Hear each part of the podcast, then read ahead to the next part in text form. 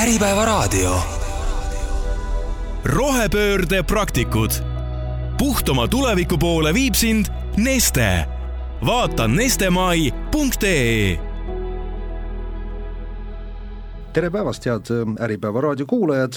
on aeg alustada saatega Rohepöörde praktikud, kus siis äh, nagu tavaliselt võtame käsitleda mõne suurema teemavaldkonna ja püüame vaadata, kuidas rohepööre seda kõike mõjutama ja muutma hakkab. tänase saate alateema on ehitusvaldkond, mida arvatakse olevat üks äh, suuremaid valdkondi, mille tõttu ja läbi mille süsinikku juurde tekib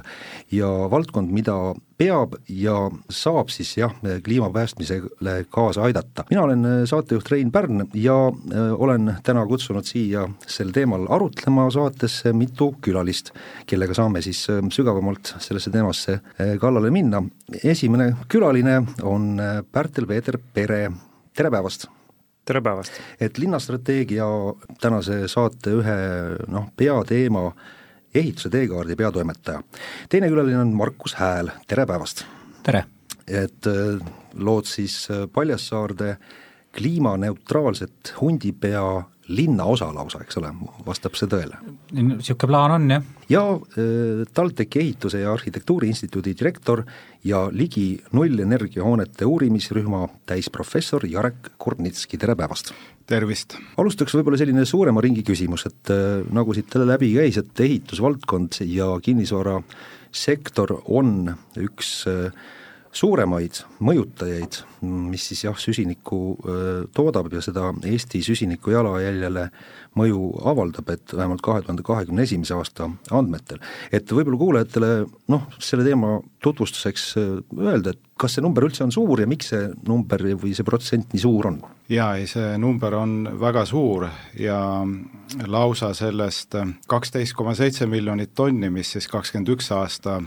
kasvuhoonegaaside heide oli, kui me jätame nüüd maakasutuse ja metsanduse sektori välja, siis sellest lausa nelikümmend üheksa koma kuus protsenti tõesti tuli ehitus- ja kinnisvarasektorist. ja ehitus- ja kinnisvarasektori sisse selles arvestuses läheb nii hoonete energiakasutus ehk olemasolev kinnisvara, uute hoonete ehitamine, aga siis ka kõik see ehitusmaterjalide tootmine, mis hoonetesse läheb ja ka ehitusmaterjalide eksport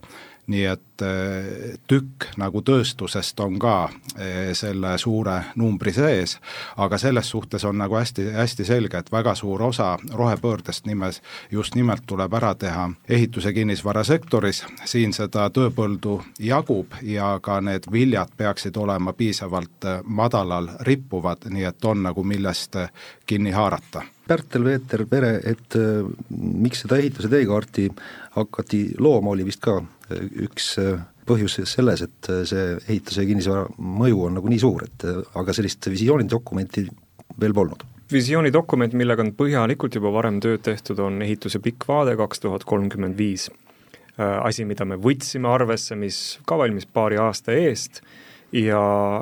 ja võtsime seda arvesse, sellepärast et seal on väga põhjalik töö ära tehtud küll, kuidas tõsta näiteks Eesti ehitus- ja kinnisvarasektori tootlikkust, kuidas me loo-, loome neid kõrgelt tasustatud tarku töökohti, kuidas me teeme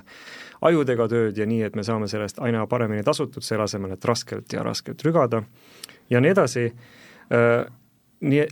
aga sellist just rohepöördele ja, ja keskkonnavaadet sisaldavat asja ei, niisugust asja ei olnud. ning nagu on ikka ja jälle erinevates valdkondades, erinevates tööstustes öeldud,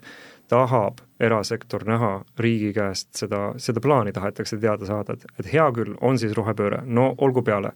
Mis me teeme, mis regulatsioone tuleb, kuidas on see piits ja kuidas on see präänik äh, nüüd ja tulevikus kujundatud niimoodi, et meie ehituses, nii suured kui väiksed ettevõtjad, teaksime, kuidas samme seada. keda me peame koolitama, kuhu me peame raha panema, millest me peame loobuma, mis on see homne ja ülehomne päev. seetõttu Rohetiiger sihtasutusena, mis selline, kas nüüd erasektori otsene hääletoru on, aga mingil määral siiski, võttis otsuse vastu, et viie erineva valdkonna teekaardid tehakse, energia oli esimene, ehitus nüüd on teine ning tänagi kusjuures äh, tuli välja konsultatsiooniettevõttest Milton ma lugesin, kuna ma seal varem ka töötasin, et on valminud üks uuring, mis ütleb, et erasektor ikka veel tahab ja ootab ka teistes valdkondades riigilt plaane, et kuidas me siis selle rohepöörde läbi viime. No Markus, kuidas selle plaaniga on siis, et on siis riigilt vaja mingisugust dokumenti, suuniseid, et või, või tegelikult kui tahta, siis saab ka ise hakata ühte kliimaneutraalset linnaosa valmistama täiesti iseseisvalt või? No ma üldiselt ütlen, et suuniseid on kindlasti vaja ja seda abi on kindlasti vaja, et hundipea äh, on hea ja halb näide samal ajal, et äh, hea näide on see, et meil on võimalus seda teha, meil on see tahe ja me oleme sellega pihta hakanud. me oleme halb näide võib-olla sellepärast, et meil on äh, see eelis, et me omame väga suurt tükki maad, mis on tööstusala, mis on pruun ala, mis ei ole e-, praegune nii-öelda roheosa, on ju, me omame ka kõike infrastruktuuri seal, siis meil on väga unikaalseid erinevaid tükke kogu selle asja juures, mida paljudel teistel arendajatel ei ole, eriti kui sul on väiksemad alad. ja sellisel juhul, kui sul ei ole nii palju nii-öelda finantspaindlikkust nende arendustega, siis on kindlasti sul vaja selgeid ja konkreetseid äh, abinõusid äh, selle tegemiseks? nojah, et ehituse süsiniku tootlikkus on siis üldises plaanis viiskümmend protsenti võib vist öelda, eks ole, kogu Eesti osakaalust ja siis omakorda nüüd see viiskümmend protsenti või nelikümmend üheksa koma kaks jaguneb siis selleks, et ligikaudu kolmkümmend kaks tuleb sealt energeetikast, siis on ehitamine ise natukene veel väiksem ja siis on ehitusmaterjalid, eks ole, ehk siis see energeetika on vist esimene, millega tuleb hakata tegelema, et energiakulu, et plaanidagi siis juba nii, et no olgugi, et mismoodi need majad saavad ehitatud, et, et pärast kütmise peale väga ei kuluks ja elektritarbimise peale. jaa, täpselt äh, niimoodi on ja see energiakasutus on oluline ka tootmises. et ka ehitusmaterjalide jalajälg ikkagi tekib suures osas sellest, et nende materjalide tootmises tooraine saamisel kasutatakse energiat, on see siis soojus või elektrienergia, ja muidugi siis võivad need keemilised protsessid veel peale tulla, nagu näiteks siis tsemenditööstuses vabaneb lubekivist CO2, mis on keemiline protsess, mõlemad on tähtsad aga kahtlemata see energiakasutus ongi võib-olla see valdkond, mille, millega siiamaani on hästi palju tegeletud, sest äh, täna, kui me ehitame uusi hooneid, on need ligi nullenergia hooned ja juba väga väikese energiakasutusega hooned. kui me terviklikult renoveerime näiteks need korterelamud, mis siis KredExi toetusega renoveeritakse, seal on samamoodi energia kokkuhoiud küttekuludes on seal viiskümmend, kuuskümmend, seitsekümmend protsenti, väga suured kokkuhoiud, nii et tegelikult selle energiakasutuse poolega üksjagu tööd on tehtud, kuigi loomulikult hästi palju hooneid on veel renoveerimata ja seda vana hoonefondi meil taagana endiselt kaelas on, aga me peame mõtlema ka kaugemale, et me näeme ikkagi kogu seda tootmisprotsessi ja seal kasutatavat energiat ja, ja kõike seda süsinikku, mis siis tuleb, et, et loomulikult, et seda kõike tuleb osata arvestada ja selleks peavad olema ühtsed mängureeglid, et ettevõtete vahel saaks toimuda vaba konkurents ja et keegi ei hakkaks ka neid asju ära kasutama, näiteks siis rohepesu eesmärgil, kui selliseid selgeid raamistikke, arvutusmetoodikaid ja mängureegleid ei ole paika pandud, siis võib turule tekkida igasugu moonutusi. nii et eh, selles suhtes ikkagi eh, see on väga loomulik, et riik võtab siin teatud juhtrolli, kujundab välja raamistikud, metoodikad ja mängureeglid ja siis juba turumajandus nii-öelda suudab selle probleemi ära lahendada käime nüüd siis selle teekaardi noh, kiiresti läbi kuulajale, et äh, mis te siis äh, sügisest äh, saadik välja selgitasite, et mis on siis vaja teha aastaks kaks tuhat nelikümmend, oli see jah, kaheksakümmend viis protsenti vähem ehitussüsinikku toodaks, et mis need peamised soovitused selles teekaardis on? Neid soovitusi on omajagu, teekaart on tubli sada viiskümmend lehekülge pikk, aga see kokkuvõte, mis me alguses oleme pannud, see on kaks lehekülge. Nii et äh, kellel on huvi, saab selle Rohetiigri kodulehelt äh, kenasti kätte ja viie minutiga on need peamised soovitused selged. kuidas ma ka nüüd siin aga niisuguse kaheminutilise kokkuvõtte teen, kolm osa peamiselt on, on planeerimine, on taristuehitus äh, ja siis on hoonete ehitus. kui me võtame planeerimise, siis see on äärmiselt oluline nii linnas kui maal, sellepärast et meie maakasutus on äärmiselt raiskav. Meil on Euroopas peaaegu kõige raiskavam maakasutus, see tähendab, et me eh, inimese kohta ruutmeetreid metsa- ja põllumaade arvelt kõige, peaaegu kõige enam paneme ehitatud ruumi alla. me priiskame sellega, maad juurde ei tehta. meil on aga absoluutselt kõige rohkem äh, kaubanduspindasid inimese kohta. meil on teisisõnu suuri ostukeskuseid.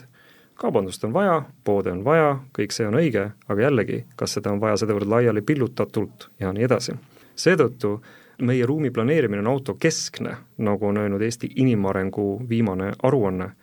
Ja seetõttu me oleme teinud seal hulga soovitusi, kuidas seda autostumist parema ruumi planeerimisega vähendada, näiteks seeläbi, et me mõõdaksime, kogu meie ülesanne on lähtunud sellest, kuidas süsinikku kokku hoida, see on meie see põhjanael olnud seetõttu, kui me ehitame uusi hooneid või terveid kvartaleid, siis me oleme teinud valmis niisuguse tööriista lähteülesande, et kuidas, mis alustel peaks riik tellima tööriista, millega me saame hoonete liikuvuse põhjustatud süsiniku jalajälge hakatud mõõtma ja mitme hoone peale kokku. tuhat uut korterit, kas see tähendab, et on tuhat uut autot? Või on võimalus seal teha näiteks nelisada uut autot, seeläbi, et meil on vastavalt planeeritud küll parkimiskohad, küll teed, küll taristutasu ja muu asja, asjade baasil me soovitame hakata ühistranspordikeskset arendust tegema nii linnas kui maal, see tähendab, et kui on näiteks rongipeatus, sinna ümber peab vald prioritiseerima, kutsuma, laskma, eelistama kinnisvaraarendust teha. mitte kuhugi põldude peale, tagamaadele, mere äärde, kõik need asjad võivad toimuda, aga me eelistame tugevalt seda, et siis oleks jällegi see liikuvuse jalajälg läbi parema planeerimise väiksem taristuehituses meie soovitus on mitte, noh, seal on kaks soovitust, peamine on strateegiline. meil on riigi tellimus, lähteülesanne sedavõrd vildakas, et me toodame jällegi autostumist juurde läbi suurte mahukate teedeprojektide, mida meil ei ole tarvis ja seetõttu me soovitame nelja sammu põhimõtet Rootsist üle võtta, ehk lühidalt, me peame kolmel erineval moel kaaluma enne, kas saab parandada, parendada, targemalt planeerida, enne kui me hakkame miljoneid ja miljoneid valama uutesse teedeprojektidesse, me soovitame riigil parandada hanketingimusi mis parandada, võtta täiesti uued hanketingimused kasutusele, et ehitajatel, taristuehitajatel oleks üldse võimalik hakata kasutama, testima uusi innovatiivseid lahendusi. täna, tänapäeval seda meil ei ole võimalik teha. ehitajad tahavad, taristuehitajad tahavad olla osa lahendusest, aga kui seda ei tellita, siis võidab odavaim pakkumine ja läheb nii nagu ikka. ja kolmas viimane plokk on siis hoonete ehitus ise, millele me saame pikemalt peatuda, aga noh, sinna lähebki see renoveerimine, sinna lähebki energiatõhusus, sinna läheb see, et kui me äh, hakkame aastast kaks tuhat kolmkümmend hiljemalt Euroopa Liidus mõõtma hoonete süsiniku jalajälge, see on kokkulepe, see tuleb, on uus hoone, me peame arvutama ja me peame mahtuma piirmäärade sisse, kui palju üks hoone võib emiteerida süsinikku. meie oleme soovitanud et mitte kaks tuhat kolmkümmend, vaid teeme nüüd, teeme kaks tuhat nelikümmend, äh, kakskümmend neli ja kakskümmend viis, hakkame pihta. kui riik tellib kõigepealt avalikke hooneid, olgu kohustus arvutada, seejärel kehtestagu piirmäärad. Ja järgmised äh, kaks aastat, kakskümmend viis, kakskümmend kuus, tulgu seesama nõue ka siis erasektorisse, kui on suuremad kui kaks tuhat ruutu majad, arvutatagu ja seejärel püsitagu piirmäärade ees, sellepärast et siis me õpimegi rohelisemalt ja targemalt ehitama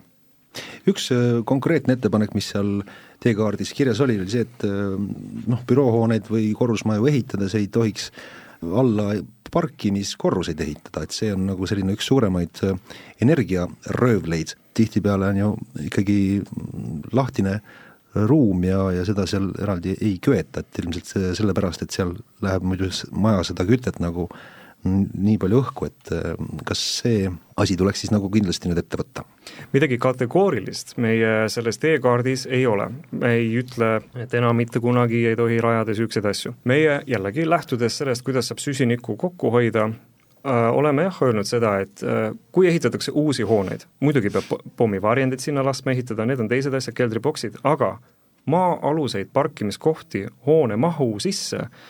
ei ole mõistlik rajada, sellepärast et ühe hoone süsiniku jalajäljest annab see umbes kolmkümmend kuni viiskümmend protsenti, sest see on igavene suur, see on betoonist, puidust me vundamenti ei raja, nii, aga see on üks ja väga oluline, ühe hoone süsiniku jalajälje komponent. teine ja võib-olla suuremgi on see jällegi, kui me seda autostumist sellega esile kutsume, ehitame sajakorruselise büroohoone või korterelamu, sinna on tuugalt sada parkimiskohta, no muidugi inimesed hakkavad seda kasutama, miks nad ei peaks? Nad on ju selle eest maksnud hinge hinda viiekohalise summa raha. nüüd kui me aga teeksime nii, nagu Põhjamaades juba üle kümne aasta on tehtud ja me oleme neid näiteid ka teekaardis toonud, olgu büroohooned, olgu põhja pool meist, olgu kortermajad, kui sinna rajataks null kuni nelikümmend parkimiskohta saja korteri kohta, nelikümmend protsenti korteritest, ainult neil on parkimiskohad, mis siis saab linnas, linnades, mitte kuskil maal? mis siis ikka saab? inimesed ostavad endale parkimiskohata korteri ja käivad linna tööl ühistranspordiga või rattaga või jalgsi ja osad saavad kindlasti käia ka autoga ja ongi kõik. meil on võimalus olnud hoida kokku süsinikku ühe hoone pealt, meil on võimalus olnud siis vähendada autostumise, autostumist, seda jalajälge. Ja autostumise vähendamine on meil juba riigis kokku lepitud strateegias kaks tuhat kolmkümmend viis, siis on meil aastaks kaks tuhat kolmkümmend viis on viiskümmend viis protsenti säästvat liikuvust tänase kolmekümne kolme protsendi asemel. Ja siis me oleme suutnud ka inimestele tagada taskukohasema korteri, sest me oleme jätnud selle massiivse tarbetu kulutuse tegemata aga nagu öeldud, see ei pea olema igal pool ja alati, aga kui me räägime linnade tihendamisest, millest me väga palju räägime, ja kui me räägime linna ehitamisest, korteritest ja ka büroohoonetest, ei, kahtlemata mitte ei ole meil enam vaja samas mahus samamoodi jätkata maa-aluste ja maapealsete parkimiskohtade rajamist. nii et kui me räägime sellisest rohelisest ähm, ehituse tulevikust, siis noh jah, ei, ei olegi juttu üldse, et noh, mis materjalist äh, hoone ehitada või, või, või milline see hoone võiks olla, vaid äh, mõtlema peab hakkama just eelkõige siis liikuvuse peale, et äh, see on nagu kõige olulisem, mis tuleb nagu läbi mõelda enne, ennem kui üldse ehitama hakata, et Markus, kuidas seal Paljassaares on Ma..., on selle peale mõeldud? No ma lisan nii, et ütleme, et liiklus on üks väga oluline osa, äh, ka see on see, et ühegi, ühegi asja lahendus ei ole üks konkreetne asi, vaid see on väga omavahel seotud. et noh, ma sellesama korraks selle liikuvuse näitena siin kõrvale ka Pärtel lisaks mainis siin seda, et saab selle kättesaadavama korteri näiteks sinna tekitada, on ju. kui sa ehitad linna tihedamaks, äh, just keskusealadel, mis tähendab seda, sul tekib rohkem äh, konkurentsi korterimüükidega, mis tähendab seda, et sul ruuduhind võiks hakata langema, täna on Tallinna linna keskmine ruutmeetri hind hind umbes kolm tuhat eurot ruutmeeter, Tartu oma on kaks tuhat ja kaks tuhat seitse, eelmise kriisi ajal oli see tegelikult võrdne, mõlemal omavahel. ja nüüd, kui sa hakkad mõtlema selle peale, nii-öelda kättesaadava korteri peale, on ju, mis peaks olema nii-öelda leibkonna brutosissetulekust kolmkümmend protsenti peaks olema korteri peale minevad kulud, siis täna tegelikult Tallinnas suudab osta endale kättesaadavalt korterit umbes üks kuni kolm protsenti elanikkonnast. mis tähendab seda, et me hakkamegi Peetri poole, igale poole väljapoole päästerõngast ehitama, nüüd kuna see on juba kalliks läinud, kuna see on popp koht, siis meil hakkab järgmine ring päästerõngast tekkima, mis tähendab seda, et meil tekib liiklus, meil on autovajadus, kuna meil pole kiiret transporti ja siis need park, parkimismajad seal ja parkimiskohad büroohoonete all muutuvad eriti meeldivaks, sest et äh, ma ei saa muud moodi enam koju, on ju. Äh, ehk siis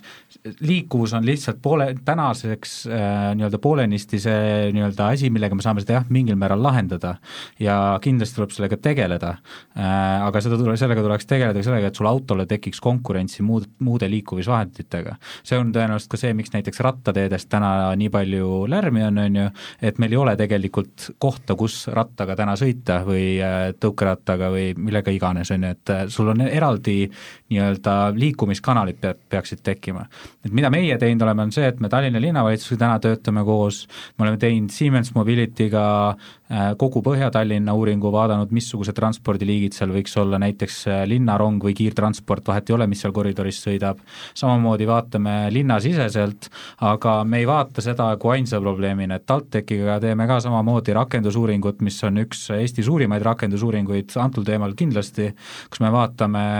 oleme ehitanud digitaalse kaksiku kogu alasti ümbritsevatest hoonetest ja äh, geograafiast, vaatame energiate tõhusust äh, hoone sees, missugused ilmakaared on ja, ja, ja nii edasi, et äh, et neid nüansse on hästi palju, need tegelikult tekitavad doominoefekti, et kui keegi mõtleb sellele, et kättesaadav kor-, korter ei saa ju mõjutada mul süsiniku jalajälge, siis meeletult mõjutab just läbi transpordi. Meeletult mõjutab sellega, et kui mina tahan siin mere ääres oma kohvi osta, on ju, hea pilt oli linnade liikluses, kus oligi, et äh, viieteist minuti linna kontseptsioon, millest täna palju räägitakse, et siis, kui sina oma kohvi saad osta viieteist minuti kauguselt, aga see inimene, kes kohvi teeb, peab tulema rohkem kui kolmekümne minuti kauguselt, siis sa oled illusioonis, mitte viieteist minuti linnas. et noh, see tegi, see on täpselt seesama nüanss, on ju. et meie oma suuruse juures ja oma võimekuse juures oleme suutelised mingil määral nii-öelda neid kättesaadavaid kortereid sinna ise kas või fabritseerima, selles mõttes, et nad on seal olemas ja me maksame neile peale, sest me suudame mujalt seda subsideerida. aga tegelikult siin peaks nüüd et linn appi tulema ja munitsipaal appi tulema eraettevõtjatele, kes siis äh, arendavad, et näiteks viis protsenti või kümme protsenti peaks olema kättesaadavaid korterid. Äh, ja seda me siis, äh, kas siis linn subsideerib ise või siis ütleb, et saate rohkem ehitada näiteks selle arvelt, et teil on nii palju neid, on ju. ja siis see tekitab nüüd selle, et kui sul on kõik erinev tööjõud linnakeskustes olemas, sa suudadki tekitada viieteist minuti linna, sul enam pole autot vaja. sa suudadki selle rattaga teha, ühistranspordiga teha, sest et praegusel hetkel meil ei ole piisavat head kiiret transpordivõrgustikku läbi linna, et, et autoga võistelda. no see kõige parem näide võib-olla on see, et lennujaamast meie juurde sinna Hundi peale või Paljassaarde siis on ju, kõige kiirem hetk on ühistranspordiga nelikümmend üheksa minutit. autoga sõidab selle kaheksateistkümnega ja ma pean ümber istuma veel paar korda, mis tähendab seda, et no muidugi ma lähen autoga, jumala mugav ju. okei okay,, tänase liiklusolukorra juures jah, on mul igal juhul rattaga kiirem igale poole saada, on ju, aga, aga noh, nii, nii see on, et see liikuvus selles mõttes paratamatult on suur probleemi lahendus, sellepärast et täna meil ei ole alternatiive, aga kui me suudame tekitada alternatiivid ja normaalsed keskused, siis me ei pea käima ainult poes kaubanduskeskuses ülikaugel jälle. Äh, sest et siis on kõik ühe koha peal ja nii edasi, kui sa võtad Ülemise kesk-, Ülemiste keskuse kaks korrust, paned üksteise kõrvale, ehitad sinna kortermaju ja büroohooneid katusele, siis tegelikult see on ju tavaline linnaruum. lihtsalt ta ei ole kümneid tuhandeid ruutmeetreid kaubanduskeskust ühes kohas, kuhu autoga peab tulema. see võib-olla äkki ilmestabki, kui tohib, et jah, et see Ülemiste näide ongi hea näide, et meil on vaja multi no meil, meil on vaja erinevaid funktsioone mm -hmm. linnas ja selle peale mõtlevad juba ka näiteks Rae vallas Peetri ja teised asumid ka, et ollakse nagu sellest buumist äh, kuidagi natukene nüüd teise faasi nihkumas ja räägitakse, äkki peaks siia nagu töökohti rohkem looma ja kuidas saab teha nii, et me ei pea siit igale poole kaugele välja nihkuma. sest et tõesti, et olgu ta Ülemiste, Peetri või mis tahes koht, korterid, töökohad ja siis tekivad ka teenused, sest inimesed päeval käivad tööl, õhtul elavad, tekivad vaiksed koolid, lasteaiad ja nii edasi, tekibki, tekibki lihtsalt linn Ülemiste City samamoodi ehitab ju kortereid praegu juurde, täpselt. et siis äh, ideaalne olukord oleks ikkagi selline, kus kõik on sul enam-vähem käe ja jala juures, selles mõttes, et jah, jalutustee kaugusel ja lisame siia juurde ka lasteaiad ja koolid, eks ole, et äh, kui äh, neid ei oleks, siis ma arvan, et paljud inimesed ei sõidaks autoga tänapäeval, aga kuna kool ja lasteaed on kusagil mujal, Äh, siis peab seda tegema ja ja täpsustan siia juurde, kui tohib. Et üks on see, et on äh, lähedal käia, teine on see, et kui sa tekitad mitu keskust, siis juhtub ka see, et sul ei ole ainult ühtepidi äh, liikumine, et töökohtadest magalatesse, magalatest töökohtadesse, vaid kui sul on erinevad keskused, siis toimub ka keskuste vaheline liikumine, isegi kui see on autoga, siis see juba vähendab seda ühesuunalist liikuvusvajadust linnaruumis. ja see ei tähenda jah, et me siin loome mingid viieteistminutilised kapslid, kust ei tohi välja minna, inimesed muidugi liiguvad välja jah, aga siis ongi, et äh, saad minna teise viieteist minuti linnakeskusesse tööle või midagi muud tegema, aga et sul on muu, sul on vajalik ikkagi oma kodukandis lihtsalt olemas. aga kui me räägime, äh, Markus, äh, ligi nullenergia hoonetest, just puhtalt selle kütmise ja, ja küttekulude osas. et mis on siin mõtted, et kuidas teie olete plaaninud selle hundipea hooned nagu üles ehitada, et, et see ei peaks energiaarveid nii palju maksma? no meil on erinevad nüansid, et üks osa näiteks sama rakendusuuring, mida me täna koos TalTechiga teeme, et noh, mi-, miks me seda teeme, on ju. et üks väga suur osa on see, et tahame sealt saada just needsamad planeerimise või ehituse alused. et noh, kui me teeme hankeid, kui me anname arhitektidele äh, sisendeid võistlustele, siis me saaks sealt anda võimalikult palju täpset sisendit, kuhu poole peab äh, suunduma, aga niimoodi, et me päris ei paneks neid nagu lukku ka, on ju, et et äh, inimesed saaks ikka kastist välja ka mõelda. et äh, ühed, äh, üks osa on ligi nullenergiahooned, teine osa on näiteks ka kasutada ära olemasolevaid ressursse, on ju, jah, üks on päike, mida me saame kasutada, meil on õnneks meri kõrval, ehk siis samamoodi ka tegelikult merevee soojuse jahutus on üks osa, mida me saame seal kasutada.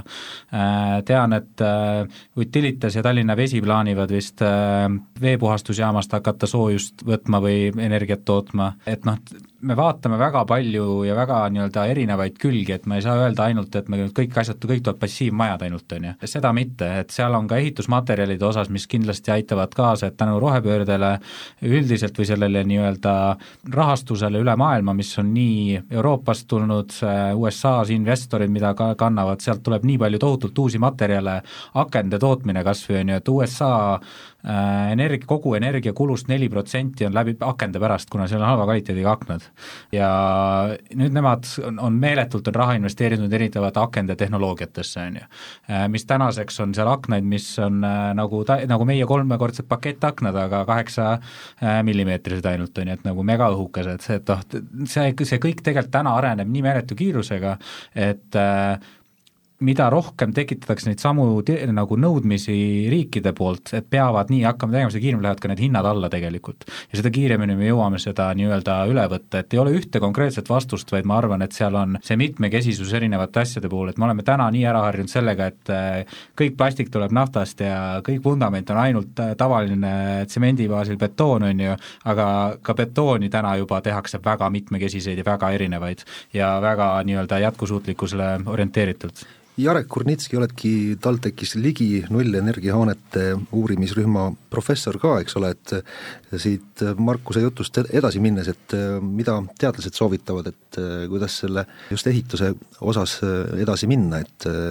hoone ei raiskaks nii palju energiat? jaa, no sellega on meil ka teatud, teatud edusamme ja, ja muidugi see on see valdkond, kus on ka ekspertidest on suur puudus, nii et meie omalt poolt püüame koolitada häid insenere, kes suudavad neid küsimusi lahendada, oleme just Tehnikaülikooli õppekavadesse sisse viimas roheoskusi ja püüame seda teha läbivalt, sest ehituse õppekavad on, on pea kõik sellised, kus just need inimesed hakkavad seda rohepööret pärast tegema ja see puudutab siis nii, kuidas konstruktsioonide jalajälge arvutada või kuidas siis energiatõhusust parandada, et need küsimused on väga tugevalt meie töölaual ja loomulikult ülikool näeb kaugemale, kui nüüd turul tegutsevad üksikud ettevõtted ja me juba täna teame, milliseid spetsialiste tulevikus suure tõenäosusega vaja on ja püüame seda, seda ennetada, nii et siin ongi keskkooli lõpetajatel praegu see, see aeg, kus eriala valida, siis on asjakohane meenutada, et ehituse erialad hakkavad saama uusi roheoskusi ja selline areng õppekavades on toimumas, et tasub, tasub ka nende võimalustega eh, tutvuda jah, Pärtel näpp oli püsti, tahtsid lisada? ja ma tahan sekundeerida siin Jarekile, et Aha. kuna ma töötan äh, ka väi-, väikse koormusega TalTechis rohepöörde nõunikuna, siis äh, ma kirjutaksin ka sellele väga alla ja kutsuksin inimesi tulema TalTechi õppima, äh, sellepärast et ehitus on tulevik ja rohepööre ja Tehnikaülikoolis need asjad saavad omavahel väga hästi kokku et üks, äh, üks inimene, kes meile ka nõu andis selle teekaardi koostamisel, oli äh, naine nimega Kaia Eichler, kes õppis TalTechis inseneriks ja kuna tal oli ka taskus teine väga väärt oskus, rootsi keel, siis tema nüüd on Rootsis ja töötab niisuguse positsioonil nagu inglise keeles Chief Sustainability Officer ehk äh, juhib jätkusuutlikkust äh, niisuguses ehitusettevõttes nagu Särneke AB, Rootsi üks suurimaid äh, ehitajaid ja kinnisvaraarendajaid. nii et äh, on võimalik maailma tasemel minna ja teha midagi selles valdkonnas ära, kui on olemas nii rootsi keele kui tal-, TalTechi diplom taskus jaa, loomulikult, mida rohkem on meil äh, kõrgelt haritud äh, ehituse insenere, seda, seda kvaliteetsem saab olema kogu see valdkond ja targemalt saab see siis juhitud, aga nüüd äh, jah, selle energialahenduste teema kohta vastus, et on räägitud või noh, küsimus läheb edasi, et on räägitud ikkagi maaküte olevat see kõige kõige nagu säästlikum, et talvel annab sooja ja suvel siis ka jahutab, et kas äh, kas Paljassaarde seda maakütet äh, ka on plaanis rajada? see oleneb, maaküte oleneb vist minu teada väga palju geograafiast ja missugune pinnas seal all on, et kui hästi ja kui efektiivne ta on. pae peale vist ei anna hästi midagi ah,. ah, et pae peale väga ei anna seda? no mulle on ka öeldud, et teatud moodi annab nii et siin on, siin on mitmeid nüansse, et aga meil on ka samas räägitud seda, et on viimased puurimised tehtud, et ka Paljassaare on Tallinnas üks parimaid kohti geo-, geotermaalenergia jaoks, sest et ka selle tehnoloogia näiteks areneb meeletus kiiruses. et äh, siin neid erinevaid äh, variante on igasugused, et energiavardad samamoodi on ju, mida siin äh, ka-, kasutatakse äh, Pipedrive'i hoone all vist on, kui ma ei eksi äh,, väga edukas projekt selle koha pealt, mis enamus energiast äh, suudab äh, see ära katta, et siin on noh, paar asja, mis, mis mängivad, esimene on sul pinnas, on ju, seda saab siin Jarek pärast öelda, kui ma pläma ajan, on ju, et et on noh, pinnas see geograafiline asukoht ja teine tegelikult me avastasime ka väga palju, et mastaabist oleneb. et kui me siin arvutasime TalTechiga koos näiteks meie nii-öelda lokaalset merepõhjast võetud soojus- ja jahutusenergia küttesüsteemi, siis me võtsime kõige uuema ja kõige modernsema meetodi ja vaatasime, et nagu mismoodi siis see lokaalselt toimub, et sul tuleb madala temperatuuriga, tuleb sul äh, nii-öelda soojatrass sisse ja sa lokaalselt siis pumpad üles selle temperatuuri, et äh, ei ole igal pool kõik soovitavad, on ju, ja siis selgus, et tegelikult nagu tihedas linnaruumis see võib-olla ei pruugi kõige parem lahendus olla. et siis eelmised generatsioonid on efektiivsed, aga kui sa lähed kuskile, kus on suuremad distantsid ja hõredam asustus, siis seal on jälle efektiivsem. et noh, see ei ole päris äh, kahjuks nii must ja valge, et sellepärast need äh, erinevad tööriistad ja uurimustööd ongi hästi olulised, et see annab loodetavasti ka teistele nii-öelda tulevikus äh, suunised, kuidas kuskil mingis olukorras erinevalt käituda. aga noh, ütleme selline asi, et noh, need päikesepaneelid katusele või mingisugused tuuleturbiinid, et sealt elektrit saada ja igasugustele turu kõikumistele nagu olla kuulikindel tulevikus, et see peaks olema nüüd vähemalt küll tulevikusuund ükskõik, räägime vanadest või uutest hoonetest. jaa, kindlasti. Ja tulles tagasi selle maakütte juurde, et ta võibki olla väga erineval viisil, seal Paljassaares on maaküte, tähendab pigem siis mereveest soojuse ammutamist ja ka selle merevee kasutamist otse jahutamiseks.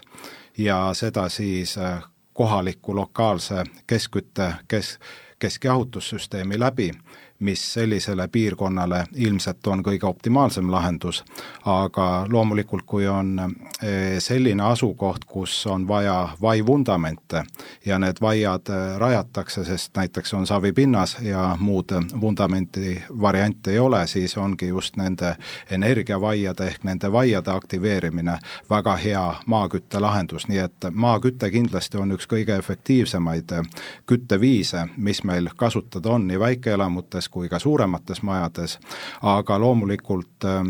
linnalises asukohas on tihti, on ka kaugküttelahendus, on siis see teine alternatiiv, mis võib ka väga tõhusalt töötada ja võib olla väga suures osas taastuvkütuse peal. Ja tulevikus võib-olla isegi nii, et seal ei pea seda puiduhaket põletama, vaid äh, ka need kaugküttejaamad võivad olla suured soojuspumpjaamad, mis siis näiteks merest võtavad energiat, nii et äh,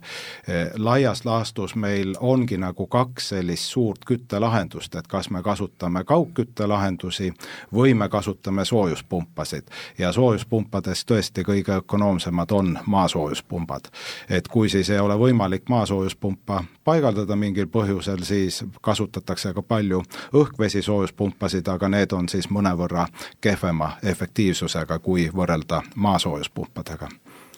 et Pärtel, äkki mis on siin ähm, siis nüüd see, selles teekaardi, ehituse teekaardis konkreetselt selle teema kohta kirjas, et et mis, kui, kui see energia ja küte nagu kokku võtta, et mis seal põhiline selline loosung on? no see, mis on, see, mis siin on just räägitud, see on ja mida ma võib-olla tooksin esile praegu, et renoveerida on vaja, kirjutame alla sellele tööle, mida on TalTech varem ka teinud, et ehituse renoveerimise pikaajaline strateegia, äh, see, millest siin on nüüd kevade poole meediaski palju räägitud, et renoveerimine on võimalus, on, on riigile, on igale korteriomanikule säästa küttekuludelt ja tõsta enda, enda elukvaliteeti ja kui seda teha ka targalt, siis saab ka teha nii, et küll kortermajadele ehitatakse rõdusid juurde, pannakse vajadusel lift, tehakse juurdeehitusi ja nii edasi, et see on, see on tohutu võimalus ja, ja kes tahab otsida äh, elust enesest näiteid, siis Rakvere Rakveres toodi uudis, et kuidas seal on suudetud enamus kortermaju korda teha, seega see ei käi kuidagi ülemäära ei inimestele ega omavalitsustele ei käi üle jõu. kui siin energiavaiadest äh, räägiti, siis ma mäletan, et selle ehituse teekaardi tegemise ajal mind kohutavalt paelus see näide, et, et ma sain teada, et niisugune asi on olemas, et äh, saabki teha sellist, äh, oli see nüüd termodünaamiline konstruktsioon, oli selle nimetus või termoaktiveeritud konstruktsioon. vot, aitäh. Et fantastiline, milline tehnoloogia on olemas. ma soovitaksin tutvuda teekaardiga ja muidugi nende tehnoloogiatega ning siinkohal jooniksin alla seda, et need asjad on betoonist. betoon mängib seal väga suurt rolli, me räägime, me räägime vundamendist, me räägime kandvatest konstruktsioonidest, me oleme ehituse teekaardis väga palju rõhku pannud sellele, et tulevikus ehitataks puidust rohkem. see on, see on kliimale parem, punkt. betoon seob vähem süsinikku, kui seob puit, aga, ja see on suur aga me ei kirjuta teekaardis, et betoon on kuidagi saatanast või et seda peaks tulevikus vältima või miskit muud seesugust. sõna betoon esineb sada kuusteist korda selles teekaardis ja juba praegu on Soome turul käibel äh, viiskümmend protsenti väiksema jalajäljega betoon. see on kuskil kolm prossa kallim oluline kolm prossa on see. Ja meil on vaja liikuda siin kodukamaral ka sinna suunas, et taaskord riik läbi regulatsioonide, läbi avaliku hangete tellib niisugust asja, tellib madal süsinik ehitust ja betoonis on, betooniga on võimalik samamoodi olla osa sellest lahendusest, liikuda selle poole, et meil oleks, nagu meie teekaardis kirjutasime, aastaks kolmkümmend on kolmkümmend protsenti ja aastaks nelikümmend on nelikümmend protsenti väiksema jalajäljega, süsinikujäljega betoon meil siin turul olemas, mis tähendab, pall on riigi väravas, et kui me tellime sellist asja, siis me saame ka sellist asja, saame puhtamaid asju. see on jah, alati tuleb es-, esile see teema, kas puit või betoon, et räägiks äkki kuidagi kiiresti lahti, et äh, milles siin see puidu ja betooni süsinikujälje erinevus siis on, et äh, selle materjali tootmise protsess on vist see kõige olulisem või? Jah, selge, et äh, puit on ju selline materjal, et kui mets kasvab, siis ta seob süsinikku. Ja kui me selle metsa maha võtame, ja selle puidu säilitame, siis süsinik on kindlasti lukustatud nendesse hoonetesse, kus ta võib siis heal juhul mitusada aastat püsida, enne kui neid maju ei lammutata ja seda puitu ära ei põletata, et see on sellise süsiniku salvestamise kindel viis kasutada puitu ehituses. Kui me räägime betoonist, siis sai juba enne mainitud, et kui tsementi valmistatakse, siis tavaliselt tavaline tsement on lubekivi baasil ja lubekivist on vaja teha luppja ja seal on siis keemiline reaktsioon, kus vabaneb äh, CO2 atmosfääri ja mis on väga, väga siis suure süsiniku jalajäljega, kui tavalisel viisil betoon, äh, tsementi valmistatakse ja see äh, betoon lihtsalt kasutab tsementi. aga tsementidel on ka mitmeid liike ja loomulikult eh, tsemenditööstus laias laastus on siis maailmas sama suur kui lennundus eh, CO2 jalajälje osas, et mõlemad on väga suure jalajäljega. Ja tsemenditööstus selle nimel palju tööd teeb, et eh, neid süsinikuneutraalseid tsemente turule tuua ja selleks on võimalik kasutada tsemendi valmistusel mitmesuguseid aineid ja ka betooni valmistamisel täitematerjale niimoodi, et seda tsementi oleks vähem vaja sama tugevusmargi saavutamiseks. ja nagu Pärtel ütles, et meil on Soomes on hea näide kus, kus viiskümmend protsenti väiksema jalajäljega betoon maksab kolm protsenti rohkem. aga kui meil mingit sellist roheehituse või siis süsiniku jalajälje raamistikku ei ole, siis loomulikult loomulikult keegi ei hakka kolm protsenti kallimat materjali ostma. selle vastu puudub täielikult huvi, sest ehitajal on võimalik see kolm protsenti kokku hoida ja see on otseselt tema kasum. ja loomulikult turg niimoodi toimib, et see on nagu ilmekas näide, et, et miks me peame looma raamistikku, et need uudsed tehnoloogiad ja tooted pääseksid turule ja saaksid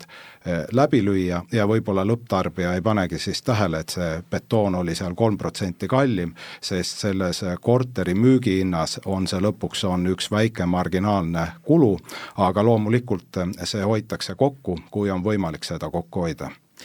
Markus, Hundipea asumisse, millest hakatakse maju ehitama? sellest, mis sel hetkel saadaval on nendest materjalidest, ma ei, on väga keeruline öelda, sest et järgmise paari aastaga kindlasti muutub asi väga palju. et äh, kuidas meie seda lahendame praegusel hetkel, on see, et meil on äh,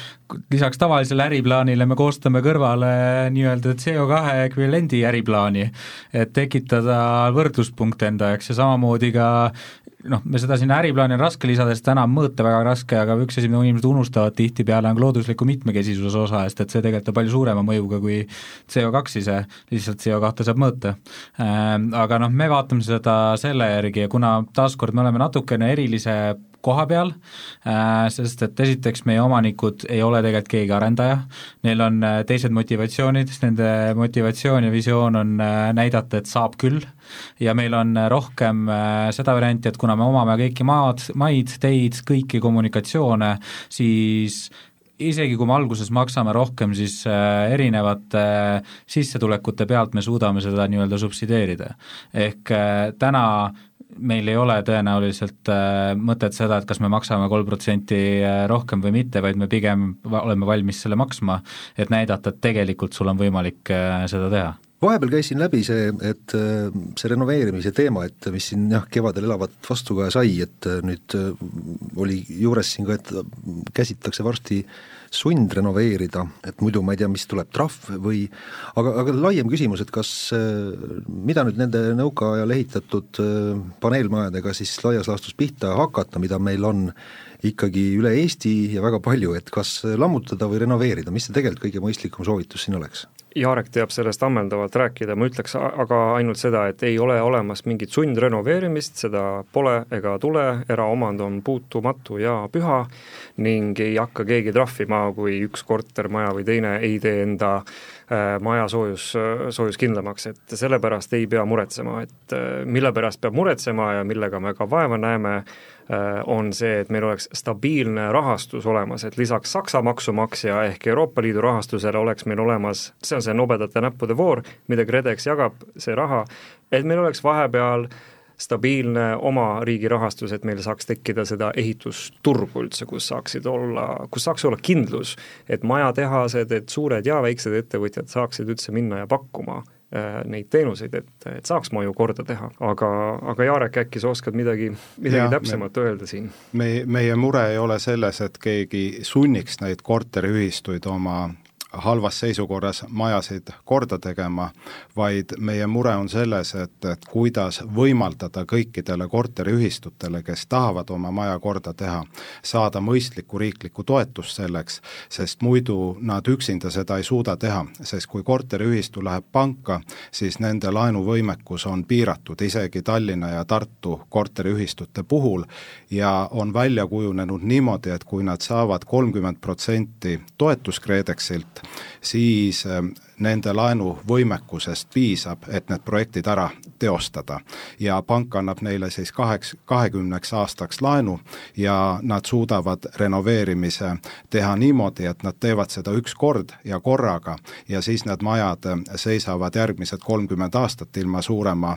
hooldusvajaduseta püsti, seal on paranenud elukeskkond, hea sisekliima, suurenenud kinnisvara väärtus ja pikas perspektiivis loomulikult toob tulu nende nendele koduomanikele, kes siis nendes majades elavad.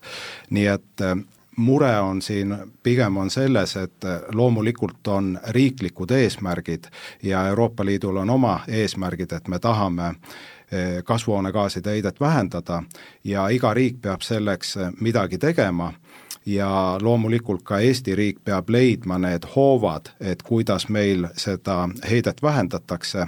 ja selleks nii-öelda korteriühistud siiamaani on olnud valmis seda lausa vabatahtlikult tegema, kui neile siis selline mõistlik toetus antakse, et seda võimalust tasuks kasutada, sest see on nii suur kokkuhoid, mis nendes majades saavutatakse, seal ikkagi täna energia põleb heleda leegiga ja loomulikult, kui need majad kunagi kuuekümnendatel, seitsmekümnendatel, kaheksakümnendatel ehitati, siis keegi ei osanud ette näha, et neid peaks soojustama olema, nendes peaks olema soojustagastusega ventilatsioon ja et energial on kõrge hind, et eh, see olukord on kardinaalselt, on muutunud ja sellisel eh, sellisel kujul, nagu nad tol ajal ehitati, nad kindlasti enam kaasaegset elukeskkonda pakkuda ei suuda ja on väga loomulik, et need majad tuleb korda teha, muidugi siis sellisel juhul, kui nende majade järgi on vajadus. kui need majad juhtuvad olema kuskil asukohas, kus nende järgi enam vajadust ei ole, siis, siis neid ei ole ka mõtet korda teha, nii et paljud majad jäävad ka tühjaks ja siis paratamatult toimub ükskord see lammutamine, aga sellist muret ei ole olnud nüüd ei Tallinnas ega Tartus ega teistes suuremates linnades, kus eh, kinnisvara on aktiivses kasutuses. Jah, huvitav, kas seitsmekümnendatel, kaheksakümnendatel inimestel siis külm ei olnud või nahk oli lihtsalt paksem, et nad ei neid, neile ei valmistanud see muret, et toas on miskisugune viisteist kraadi sooja? E, tol ajal ei olnud toas viisteist kraadi sooja, tol ajal oli nii, et toas oli kakskümmend viis kraadi sooja ja siis tehti aknad parasjagu lahti, et saada selline kakskümmend üks ja kakskümmend kaks kraadi ehk mugav temperatuur. tol ajal tõesti energiat oli sellistes kogustes, et keegi ei mõelnud selle peale, toimus suur saastamine ja täna me lihtsalt ei, ei saa enam sellist saastamist tekitada. Ja kui me mõtleme näiteks, et meie kaugküte suuremas osas tuleb puiduhakkest, meil ei ole mõtet seda puitu põletada seal, kaugküttejaamades, et mõttekam on need majad ära soojustada ja siis vähem puitu põletada, et see on ka üks viis, kuidas siis puitu kokku hoida ja seda rohkem väärindada. lihtsalt see maailm on nii palju muutunud ja energia- ja kliimapoliitika loomulikult on, on selle tekitanud, et kliima soojenemise vastu peame võitlema, mille peale viiskümmend aastat tagasi keegi, keegi üldse ei mõelnudki. vot nii, juttu võiks rääkida küll veel, aga äh, kahjuks on selle saate aeg piiratud, et peame siin otsad siis kokku tõmbama, mina võtaks selle asja siis ikkagi kokku niimoodi, et äh, pigem on selle, selle kliimaneutraalsuse poole püüdlemine ja suundumine noh, ikkagi võimalus, millest äh, võiks kinni haarata ja kasutada seda nii palju kui võimalik, et mitte siis äh, jätta, ütleme, olukord lahendada kolmekümne aasta pärast järgmisele põlvkonnale, kes, kes samade probleemide otsas siis vaevlevad.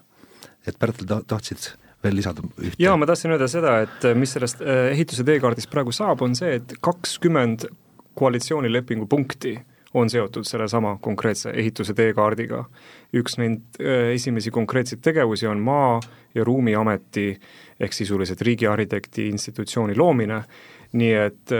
tolmlema kuhugi riiulisse see dokument juba jäänud ei ole, töö jätkub selge, ma väga tänan eh, saates osalemise eest ja sisuka arutelu eest. Pärtel-Peeter Pere, Markus Hääl ja Jarek Kurnitski ja aitäh ka kõigile kuulajatele kuulamast, kena päeva jätku!